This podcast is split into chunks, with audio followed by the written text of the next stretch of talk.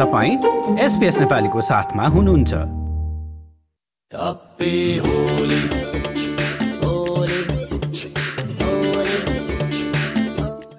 र श्रोतावृन्द फेरि पनि होलीकै कुरा गर्दा चाहिँ हामीले यस हप्ता शनिबार मेलबर्नमा मधेसी कम्युनिटी इन भिक्टोरियाले गर्न लागेको होली कार्यक्रमको बारेमा कुरा गरेका थियौँ।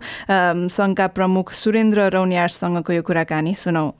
यो यसपालि चाहिँ हामीले चाहिँ मधेसी कम्युनिटी इन भिक्टोरियाले सदा चाहिँ भनौँ दुई हजार चौधदेखि नै हामीले गरिरहेका छौँ।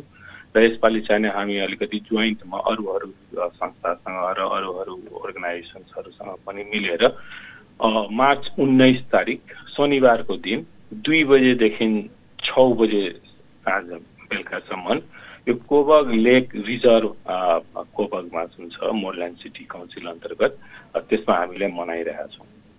हजुर अनि कार्यक्रमका मुख्य आकर्षणहरू चाहिँ के के छन् अनि आउन चाहनुहुने व्यक्तिहरूका लागि प्रवेश निशुल्क छ कि के कस्तो सुविधा छ?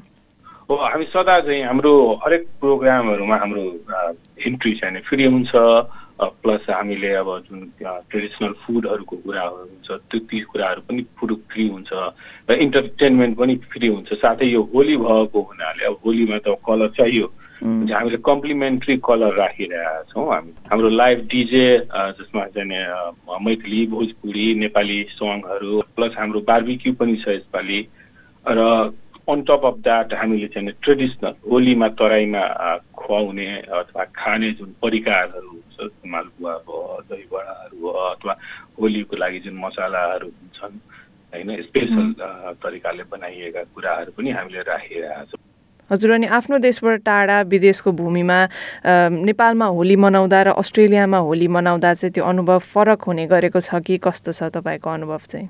अब साँच्चै भन्ने हो भने त अब होलीमा एउटा जस्तै दसैँमा हामी सपरिवारहरू मिलेर जहाँ भए पनि अब सबै आउँछौँ होइन एक ठाउँमा बस्छौँ। त्यही होली पनि त्यही किसिमको एउटा तराईमा मनाइने पर्व हो धेरै धेरै जसो परिवारहरूमा होलीमा कुल देवताको पूजा हुँदो रहेछ होइन?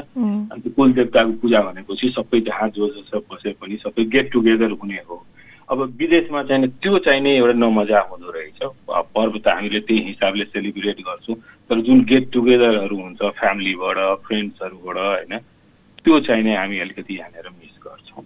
मेन होली भनेको कुरो के हो भन्दाखेरि अब यो यो सेलिब्रेसन नै फ्रेन्डसिप र हार्मोनी र गुरुल गुरुलको लागि हो र हामी जहिले पनि अब भनौँ न एक किसिमको यो फेस्टिभल अफ अप्टिमिजम पनि भन्छौँ यसलाई होप पनि भन्छौँ हामी जहिले पनि आशा हुन्छौँ।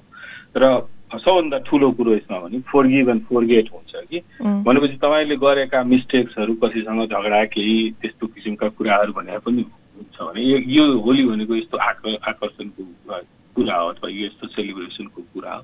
त्यो सबै बिर्सेर मान्छेले एकअर्कासँग इन्जोय गर्छन् कि। र श्रोतावृन्द उहाँ हुनुहुन्थ्यो सुरेन्द्र रौनिया र उहाँसँगको पुरा कुराकानीलाई तपाईँले हाम्रो website SPS dot com dot AU forward slash नेपालीमा सुन्न सक्नुहुन्छ।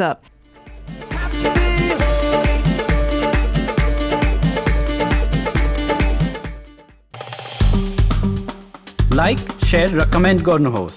एसपिएस नेपालीलाई फेसबुकमा साथ दिनुहोस्।